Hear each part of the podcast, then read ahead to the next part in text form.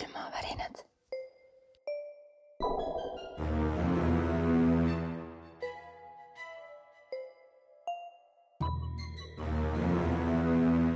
külmavärinad. kuidas me seda saadet alustasime? tere, kallid külmavärinate kuulajad. tere, kallid külmavärinate kuulajad, mina olen Dagmar, minuga on siin Heidi tšau. Ja meiega olete te siin kõik, eriti need, kes on meile kirju saatnud, sest täna on kuulajate kirjade episood, minu lemmik ja lemmik, lemmik see on kõigi lemmik, see on minu lemmik ja ma arvan, et see on nende enda lemmik ka mm. -hmm. et pole, see annab tõestuse mulle, et ainult meie pole need hullud enne kui me läheme kirjade juurde, ma tahtsin rääkida ühest väga veidrast äh, asjast, mis mul juhtus. see ei ole küll mm, kummituslikult creepy, aga see on äh, creepy nevertheless. Äh, ühesõnaga, nagu osad inimesed teavad, ma panen siin kõvasti kaarte inimestele ja, ja mul on no ikka kümnetele, kümnetele, kümnetele olen ma siin viimase kuu aja jooksul kaarte pannud ja mul tuli sellel nädalal üks selline kaardiladu ühele inimesele. ma tavaliselt ma teen niimoodi, et ma palun, et nad väga palju ei räägiks mulle tausta, lihtsalt esitaksid mingi küsimuse mm. -hmm. ja, ja siis pärast võib-olla, kui nad tahavad, et ütleksid, kas ja kui palju täppi läheb. ja, ja siis ta küsis umbes niimoodi, et kas ma tegin õigesti, et sellest inimesest lahti lasin. ja hakkasin kaart, kaarte panema ja panen ja panen ja ma läksin lõpuks nii närvi, sest et kõik, mis sealt kaartidelt tuli, viitas äh, kaksikleegile.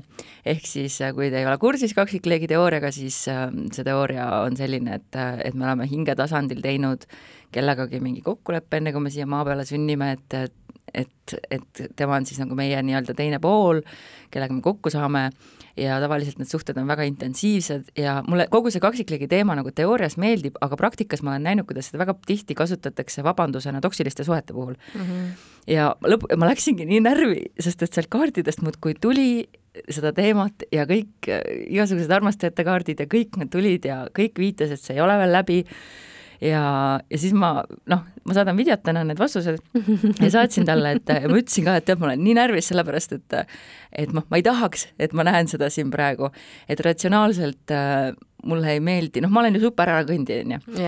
ja et ratsionaalselt äh, noh, ma ei taha anda inimestele nagu ru-, rumalat lootust, et äh, ole kellegi küljes kinni, kui sa oled tast juba lahti lasknud või midagi sellist, et äh, pigem ma nagu olen nagu selle poolt, et äh, jah, liigume edasi ja alustame uuesti.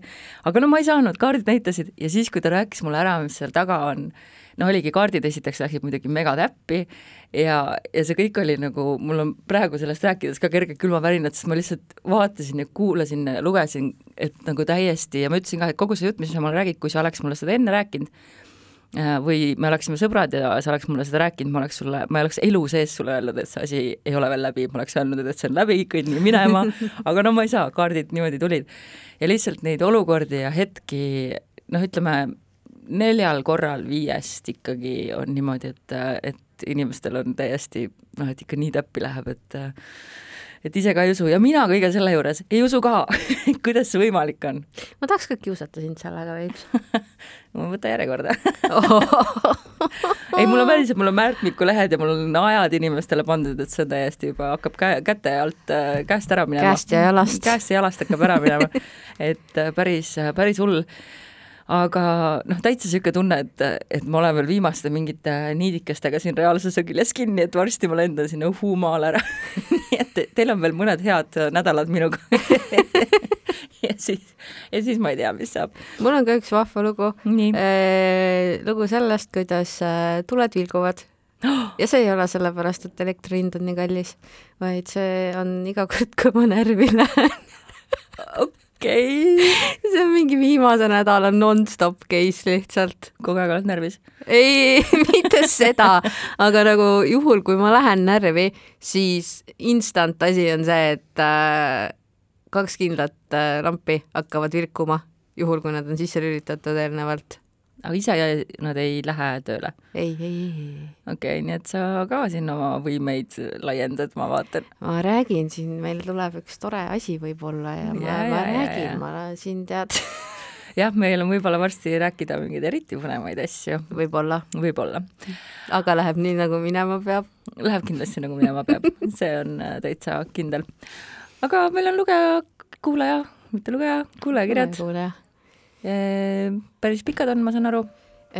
ja osad on üsna pikad ja aga siis hakka sa see minema., seekord ei ole mina ka lugenud ühtegi.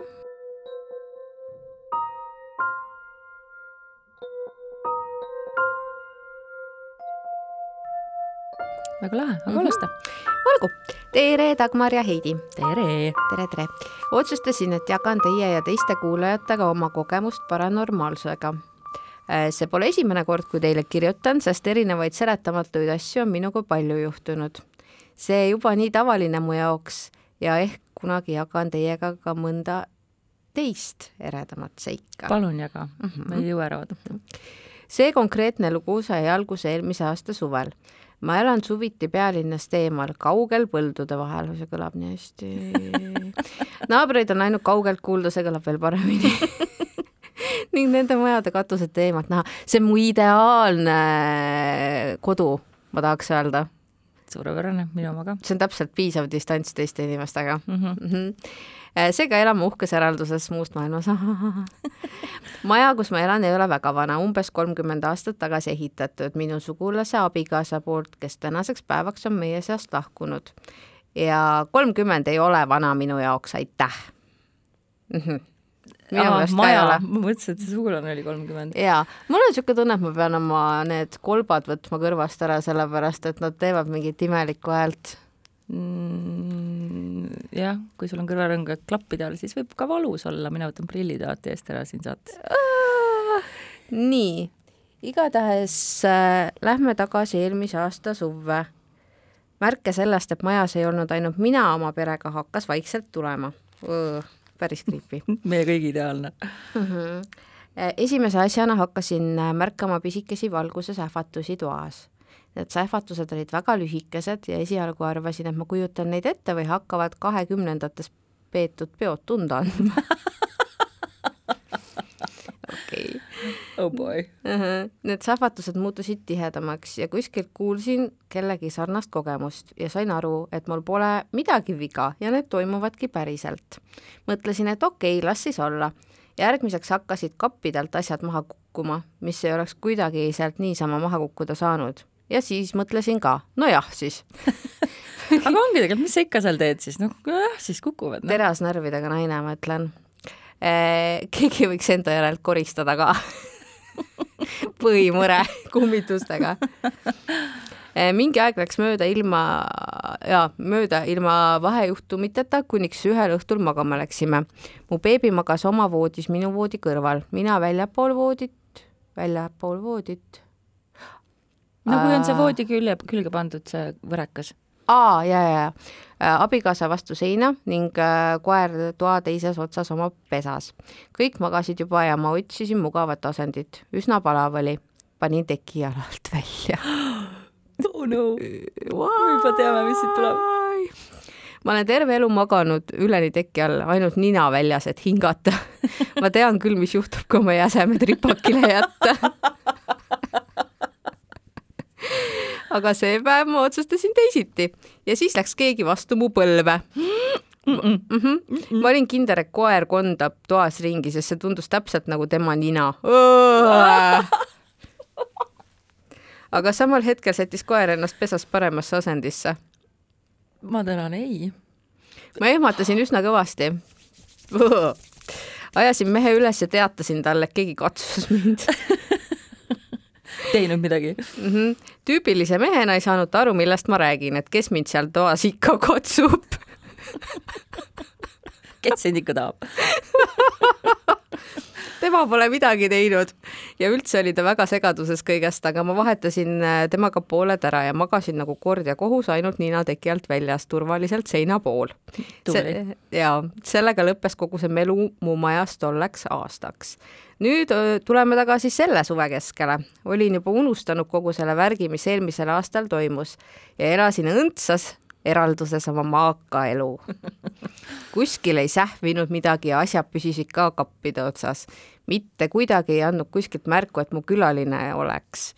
kui ühel õhtul läksime magama, tuba oli veidi ümber tõstetud, aga voodi oli ikka vastu seina ühe poolega ja järjekordselt magas mees sealpool. öösel, tõhk. mehed peavad magama väljaspool. minu meelest mees peab magama ukse pool. nojah, see ongi minu jaoks minu mees ei saanud kolides aru nagu, et miks ta peab teisele poole kolima voodis, siis ma nagu ütlesin talle, sellepärast, et ta peab kaitsma. no täpselt, kes esimesena ette jääb, mitte mina. jah, saad aru, isegi praegu, kui mul ei ole kallimat ega kedagi, kes magaks ukse pool, ma magan ikka se- seal nagu akna pool, sellepärast et kui keegi uksest tuleb, siis palun väga, noh, kassid saavad ukse poole minna magama. No minu oma magab, täna just oli niisugune, kus äh, kuna mul laps haige, siis ta ronis äh, voodisse minuga ja ma olin nii aetud sinna oma nurga poole kui vähegi võimalik ja siis tuli veel kass ja selle asemel, et leida mingi normaalne koht endale terves voodis, kus oli väga palju ruumi, ta pani ennast padjale, minu padjale. nii et ühel pool oli mul lapsepea, teisel pool oli mul kass ja mul ei olnud pead ka kuhugi võimalik panna, mul on kael nii valus praegu. nii, öösel ärkasin selle peale, et mu laps häälitses oma voodis.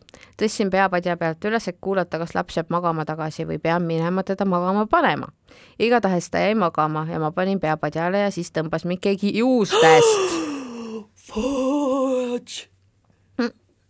ma mõtlesin, et mis asja laps voodist välja roninud, aga siis tegi laps häält uuesti enda voodis. tal oli krunn peas muide. osad juuksed rippusid näo poole ja nägu oli keeratud suunaga tuppu, tuppa. olgu veel mainitud, et magamistuba on meil kottpimedaks tehtud, sest keegi meist ei armasta suvevalgeid öid magamiseks, mina ka mitte. ma ei tea, kas see on nagu hea või halb, ma sellele ka mõtlesin täna öösel, sest et äh, mul on kogu aeg hall tuled, aga kuna ma magan on ju peapadjal, mind need ei häiri. aga kui mul õde külla tuleb, siis ta ka peab, mul on kogu elamine igal pool on kuskil mingid tulekesed nurkades ja siis ma pean, kui õde tuleb, kõik asjad välja võtma, et ta saaks pilkases pimeduses magada mm. -hmm. ma ei tea, kasutage unemaske või midagi. aga ma, ühesõnaga ma mõtlesingi täna sellele, et kumb oleks õudsem nagu, kui mul oleks tuba pimedaks tehtud ja midagi nagu toimub, kas see, et ma ei näe või see, et midagi toimub ja ma midagi näen, kumb õudsem on? Ma ei tea, mul tules, tuli sellega meelde see, kuidas äh, kunagi äh,, ma arvan, et see oli neli aastat tagasi äkki, kui mul äh, magasin, samamoodi ma magan kogu aeg niimoodi, et mul on jalg teki peal täies hiilguses mm. -hmm. ja siis äh, öösel äh, läbi une ärkasin selle peale üles, et äh, keegi nagu andis mulle tagumiku peale ühe mõnusa laksu. ainult, et ma olin seal toas üksi millal see oli? see oli siis, kui me hakkasime naiste jutte tegema umbes samal ajal ahah, neli aastat tagasi, mm. -hmm. see oli siin selle risti peal, you know okei -hmm. okei. no oli umbes niimoodi vist onju, sest Eevat veel ei olnud, Rasemaa veel ei olnud. no kuskil umbes, nii. Läheme siis edasi. igatahes sundisin ma meest jälle kohad ära vahetama ja jäin paari tunni pärast magama mõtlesin veel, et äkki jäid juuksed voodi ja peatsi vahele, aga ma olin ju just pead tõstnud ja juuksed ei olnud kuskil kinni ning padi oli ju ka pea all. koer magas see päev köögis ning uks oli vahelt kinni. temast märkamatult keegi mööda ei saa.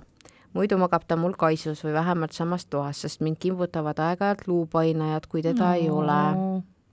järgmisel päeval ärkas mu laps lõunaunest nuttes ja korrutas ühe mu teise sugulase nime, kes on ka meie seast lahkunud okei okay,, see oli juba creepy as fuck mu jaoks ja läksin mõneks päevaks linna tagasi.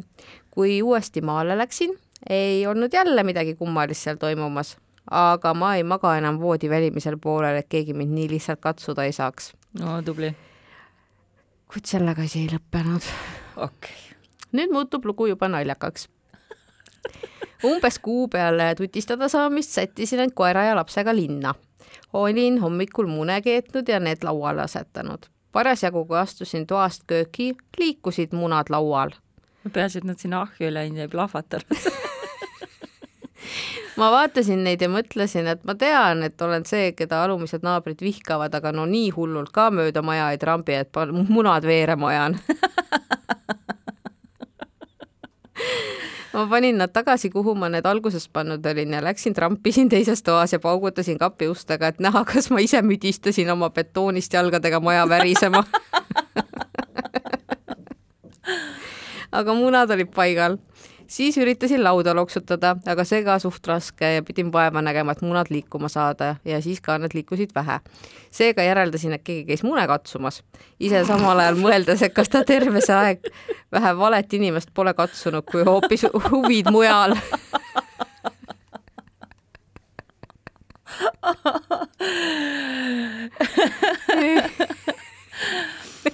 nojah, äkki tal on huvid igal pool jah Jah. selles mõttes, et äh, we don't judge. mm. -hmm. mune tuleb panna igasse korvi või tuleb hoida Jah, igas korvis, korvis, jah. just, just, just. pluss munad on ju, nagu ma sulle ka saatsin, munad on üldse väga maagilised, et äh, munaga tehakse mitmeid rituaale, millest üks on ju ka see munaga puhastamine ja nii et äh, äkki tahtis puhastada, äkki tahtis ennast puhastada kurjadest vaimudest. Vaim tahtis ennast kurjast vaimust puhastada munaga. tahtis end likvideerida ühesõnaga. eks näis, mis edasi saab, aga samas on kogu see asi üsna tüütu ning tahaks, et see katsuja oma tegevuse lõpetaks. Kuulmiseni ja Kertu on selle kirja kirjutanud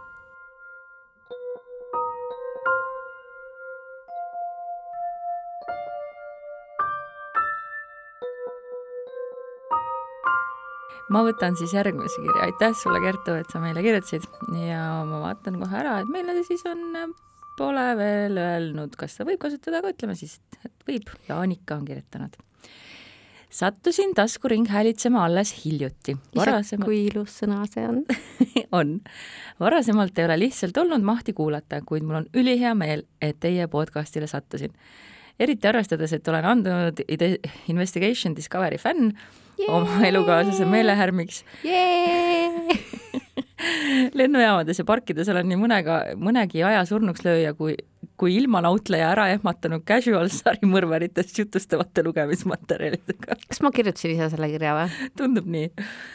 olen just maratoni jaoks treenimise protsessis, oo kui tubli. ei, see ei olnud mina ei, see ei olnud sina ja millega paremini enda ühe kuni kolmetunniseid treeninguid sisustada, kui külmavärinaid tekitavate lugude kuulamisega. väga tubli, mul on väga hea meel, et me saame sind kiiremini jooksma panna, nagu mu hea sõber Andres Anvelt armastab öelda, siis kõige parem aeg äh, kuulata näiteks Eesti roimasid ongi siis, kui lähed metsajooksu õhtul tegema, oi kui kiiresti sa jooksed olen vist viimase mõne nädala jooksul peaaegu kõik episoodid läbi kuulanud ja pean mainima, et põlise pärnakana tekib alati kerge elevuse jutt kõhuõõnde, kui kuulen kodukandi lugusid. no vot, ma räägin, me peame käima inimeste kodukantides lugudega. jaa. see on ju loogiline, me kõik tahame kuulda kodukandi lugusid oh,. tuli ka kramp jalga, vot ma ka siin treenin maratoniks niisiis mõtlesin, et lisaks teile siia ühe küll lühikese, aga mulle igaveseks mällu sööbinud loo ja veel annab meile soovituse, et Pärnu vana haigla oleks prime spot kummituste küttimiseks hmm,. ma tean ühte inimest, kellele seda just öelda. igatahes olin nii kümne või üheteistaastasena tihti arstide vaateväljas oma sageli esinevate kõhuvaludega. üks taoline veidi hullem valuepisood viis mind tolleaegsesse Pärnu vanasse haiglasse. Mingil põhjusel ei pandud mind lasteosakonda, see oli minu mäletamist mööda teises hoones ning sattusin olema ühes palatis ühe vanema prouaga ning minust diagonaali asetsevas voodis lamas üks nooremapoolne naisterahvas. mäletan viimasest vaid, et eriti ärkvel ta ei olnud, aga tal oli maailma ilusaim prantsuse maniküür. minu kõrval olev voodi oli peamiselt tühi. mingil öösel tuli sinna taaskord noorem naine, kes oli äsja tulnud erakorraliselt Pimesoole opilt, aga hommikuks oli ta juba kadunud. igatahes, eriti jutukaaslasi mul seal ei olnud aga seal oli üks väga tore õde, kes minuga, oi, ma tean, kuhu see läheb mm, -mm. kes minuga ikka juttu käis puhumas ja meelt lahutamas. ühel reedel tuli arst, kes ütles, et pean jääma nädalavahetuseks haiglasse sisse. selle üle ma eriti rõõmus ei olnud, aga polnud ka palju sõnaõigust. sel päeval tõi ema mulle ühe väikese pehme mängujänese, keda siis tol reede öösel nuttes koisutasin, oh süda läheb katki. seal lohutamatult, jah, mõtle meie, minu lapse vanune seal lohutamatult patja niisutades nägu seina poole, tundsin, et see armas õde tuli, pani käe õlale ja ütles midagi stiilis ära nuta, varsti ema tuleb ja sa saad jälle koju. luuksudes ümber pöörates ei olnud lohutajast jälgegi. silmad nagu tõllarattad, vaatasin üle polati. vanatädi nohises, okasroosik oli hommikust saati samas asendis ja kõrval olev voodi oli jätkuvalt tühi. Need on need suurepärased tervishoiutöötajad, kes liiguvad nagu välk keerasin enda suured silmad seina poole tagasi ja sundisin end magama. ma siiani ei tea, kas see õde oli päris või mitte. jätkake samas vaimus, pun intended ma, oh, ma, ma arvan, et ta ei olnud päris ikkagi. issand, mul selle looga meenub jälle muidugi siin kohe sõida, sõidan vahele.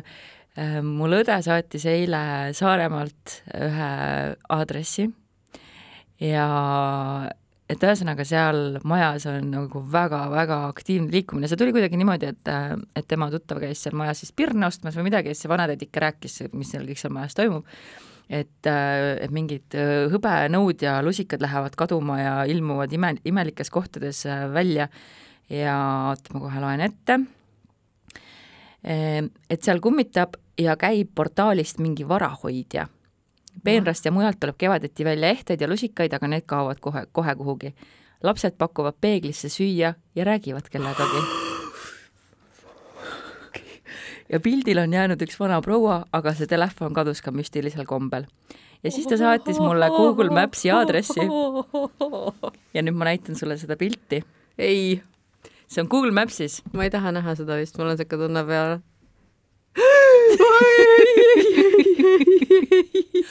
me paneme selle Google Maps'i pildi üles, ma arvan, Instagrami. ma hakkan nutma mul on ka pisarad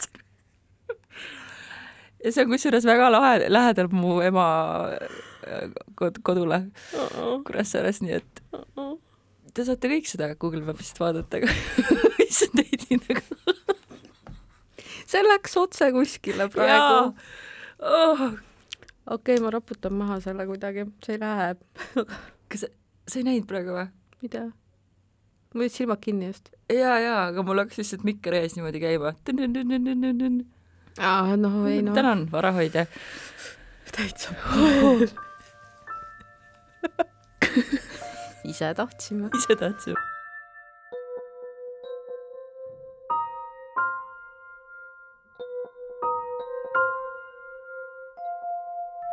Nii, aga võtame järgmise või? võtame järgmise jah. kui seal pakutakse portaalist peeglisse süüa, siis varahoidjale, siis ma ei soovi ma ei tea ju tere jälle! kirjutasin teile umbes aasta tagasi ühest olevusest, kes mu juures vahepeal käis. nüüd kirjutan jälle, sest viimasel ajal on tõeliselt õudsad asjad juhtunud. oi ei, huvitav, kes see on? olen terve elu näinud ja tundnud asju, mida teised ei näe ja minu jaoks on see alati loogiline olnud, sest mul on peres nii isa kui ema poolt nõidu, kui nii võib öelda. võib küll öelda. võib, võib. võib, võib kolisime jõuludel perega uude majja ja esimesed kolm kuni neli kuud oli väga rahulik. ainus, mida tundsin, oli koridoris olevate koerte surmad, sest eelmistel omanikel olid koerad. aa, ja sa tundis, et nad olid mm -hmm., okei okay.. Jeebus no ja millalgi aprillis see juhtus, ma olin just mõelnud, ah, enam ta ei käigi mind vaatamas, päris igavaks kisub elu nii nüüd tagasi mõeldes ei oleks vist ikka pidanud nii mõtlema. universum annab täpselt selle, mis sa küsid mm. -hmm. vist samal või järgmisel ööl ärkasin keset ööd selle peale, et keegi tiris mind voodist välja. Mul ei ole kommentaare sellele, sellepärast et ma nagu keeldun elamast sellises maailmas, kus need asjad juhtuvad tegin silmad lahti ja nägin oma ees leekides olevat teemantlikku nägu, kes naeris mulle otsa üks jalg ja käsi voodiservast juba üle.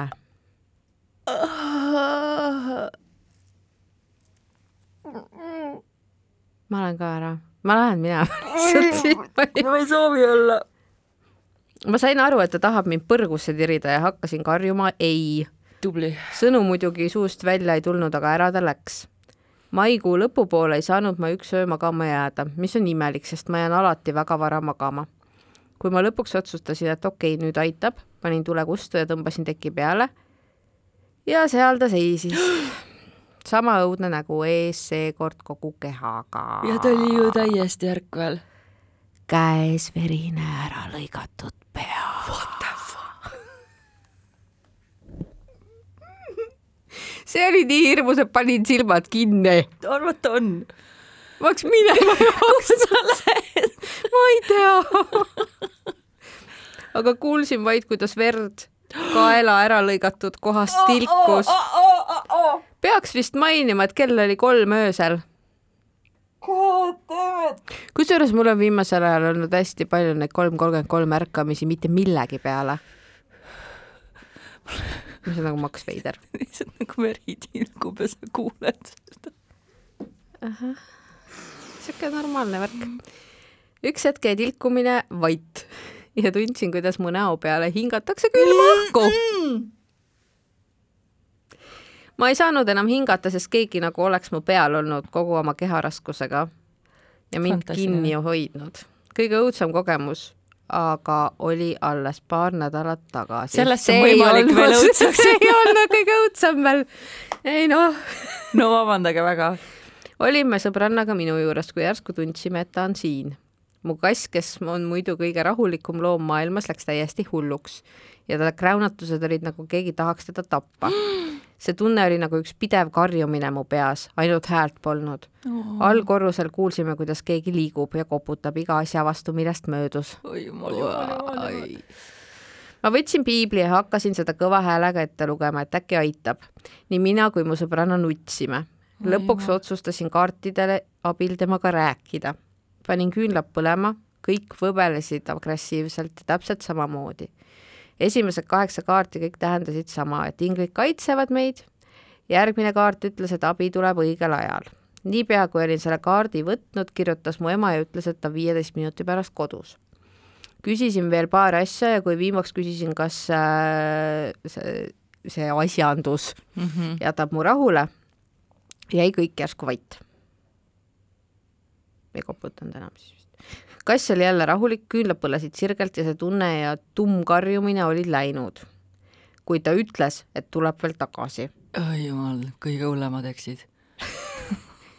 veel olen magama jäädes tundnud, et keegi kägistab mind või lihtsalt ronib mu peale kogu aeg keegi nagu vaataks kaugusest ja vahepeal ma tunnen seda kurjust oma ümber naermas. oi jumal. veel näen ma peaaegu iga päev varje enda ümber liikumas ja tunnen, kui miski must läbi läheb. seda juhtub umbes kümme korda ühe tunni jooksul. Imeline.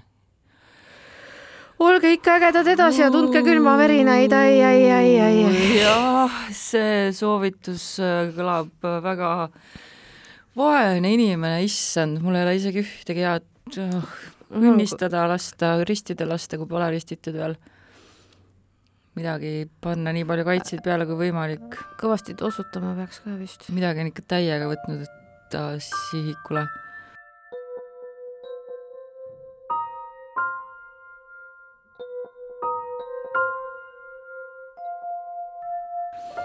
Mm, selle mu oigamisega siin mul tuli meelde, et me tegime õega õuduka õhtu üks, üks reede siin.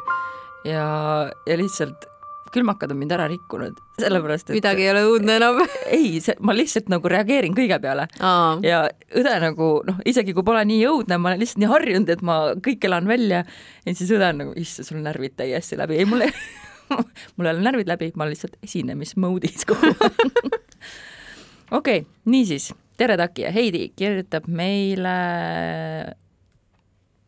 oo, näed, minu õe nimeline inimene, Sigrid olen suve jooksul jutti ära kuulanud kõik osad ja järjest enam meenutanud ka enda kogemusi. nüüd otsustasin need kirja panna. kahe tuhande kuuenda aasta juunis suri mu vanaema ootamatult, olin sel ajal kuueteistaastane.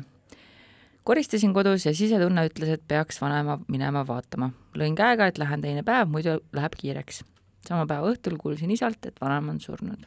Mm.. hiljem kellaaegu vaadates selgus, et oleksin ma läinud, oleksin enam-vähem vanaema surmahetkeks kohale jõudnud.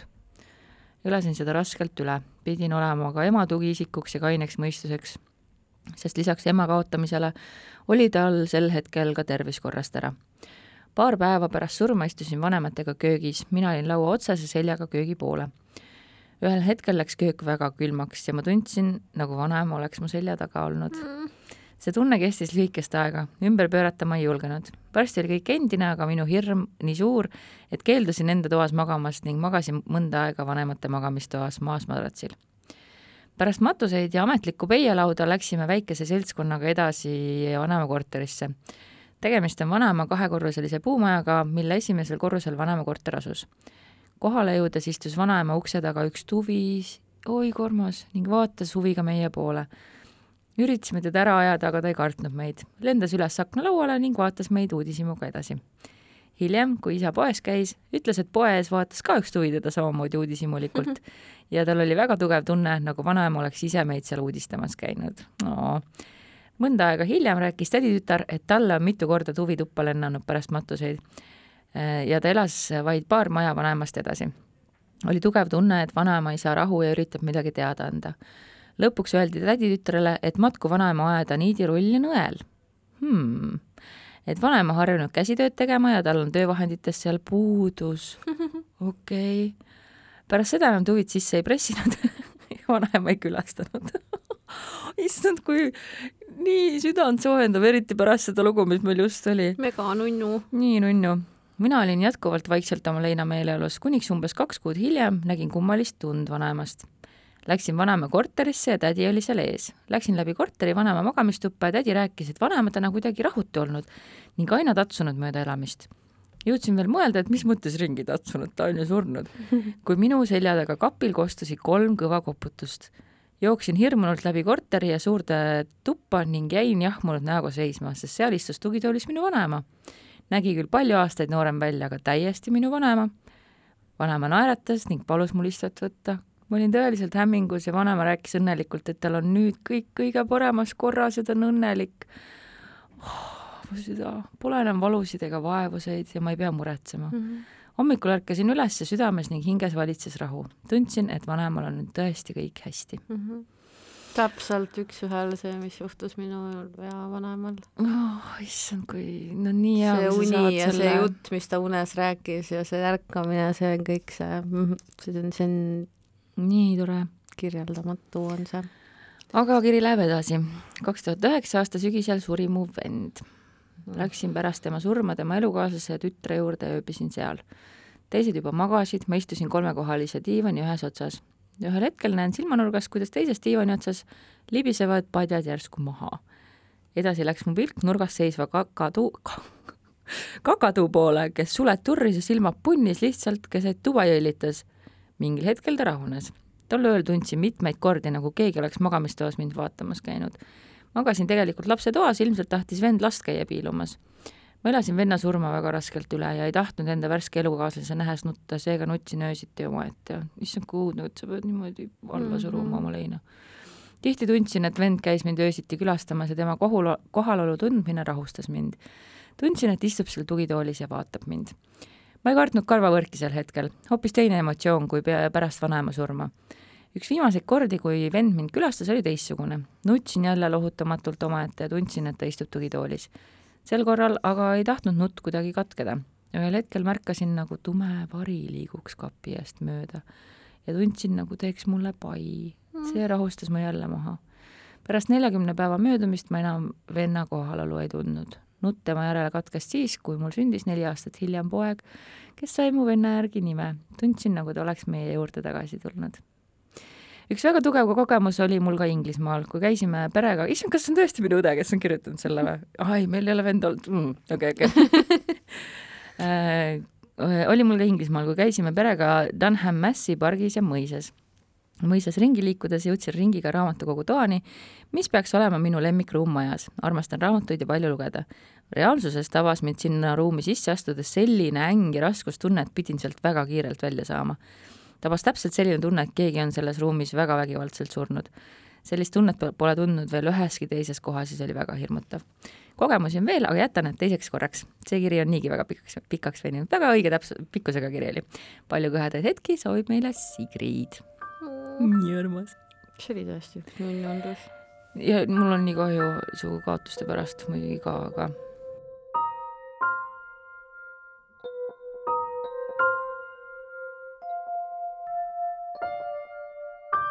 nüüd on vist viimane kirjake meil. no nii, anonüümne hamster anonüümne hamster. sina oled siin failis anonüümne hamster praegu okei okay,, ma mõtlesin, et sa ütled kirjasaatjale lihtsalt niimoodi et küll nüüd on siin inimene ära tõusnud see on viimane jah? ma ei tea, vaatame, tegelikult võib-olla jõuame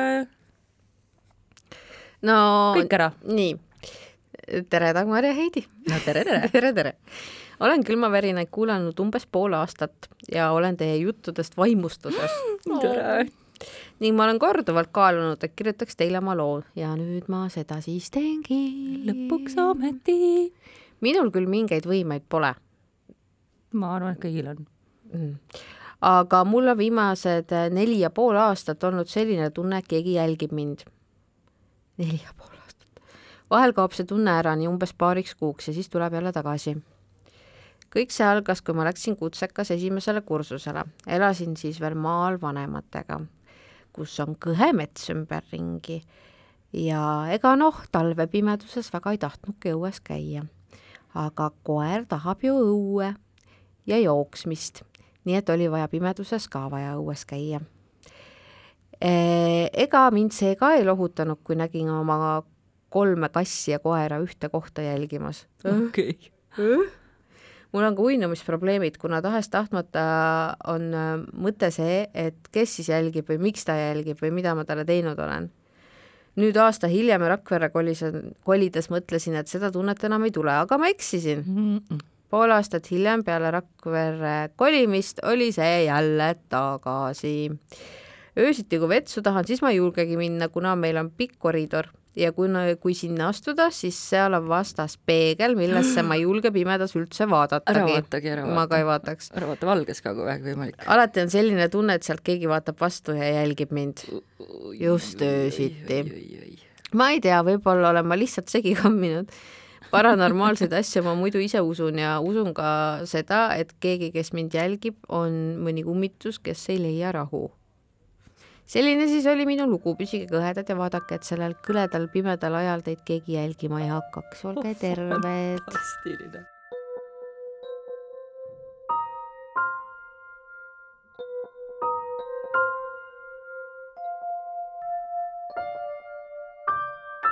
uh, võtame siis selle viimase pika ka ette veel. võtame. Davai.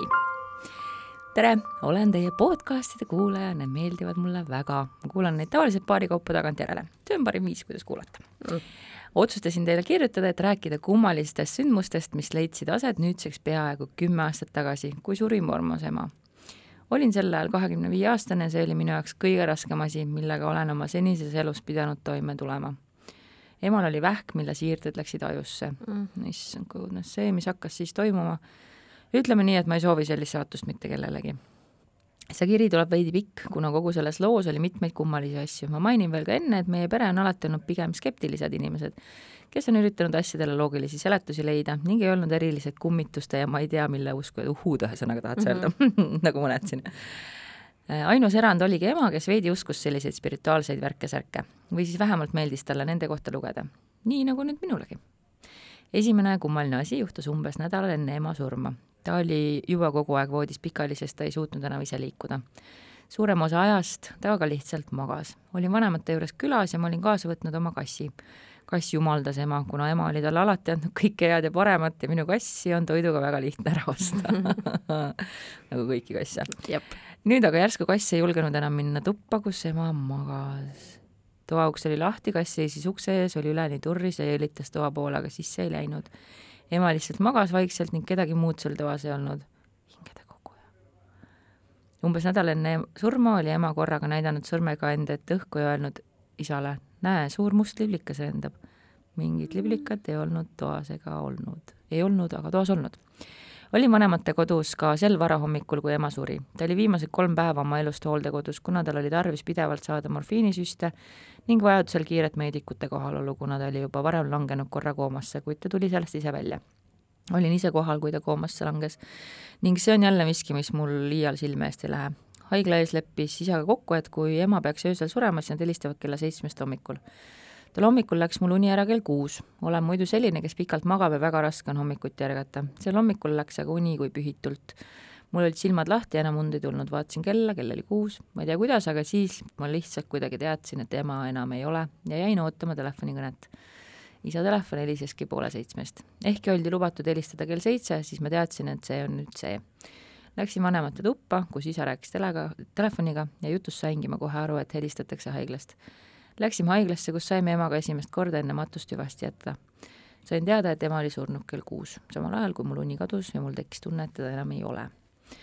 ja ka edasi toimusid kummalised asjad. mul on kaks venda, ühe juurest läksid suvalistel aegadel tuled erinevates ruumides põnema, põlema. vend esialgu arvas, et järsku ta ise unustas, aga seda hakkas kuidagi sageli juhtuma mm. -hmm. Teise venna juures kostusid pööningule öösiti justkui sammud. kõige kummalisem asi juhtus äh, samuti selle teise venna juures. ta pani telekakapi peale ema foto.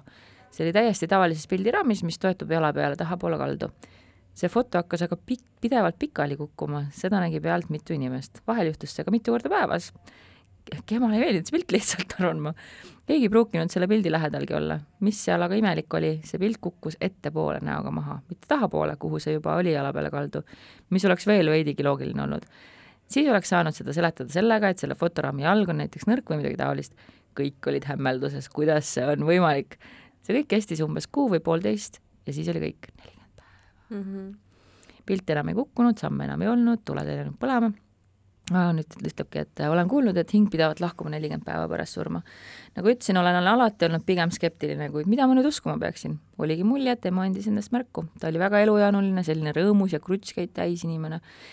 ning ma teadsin, et oli veel mitmeid asju, mida ta oleks soovinud elus teha, kuid mis jäidki tegemata. järsku ta siis sellepärast oli rahutu, kui see ikkagi oli tema, kes seda teab aga kõik need sündmused olid siiski nii veidrad ja raske on neid pidada kokkusattumuseks. soovin teile edu teie tegemistes, tehke ikka neid põnevaid külmavärinate saateid veel mm. pikalt ja kõike paremat soovib meile ja kuulajatele väike kurjem mm.. nii armas. see oli jälle nii ja nii nunnu ja nii oh, nii oh, ühesõnaga. aga kui sa küsid, mida sa uskuma peaksid, siis äh, ilus on uskuda, et ema tuli ja veel vaatas ja jättis teiega hüvasti mm. -hmm. Ennast on vaja uskuda, kuidas endale tundub. jah.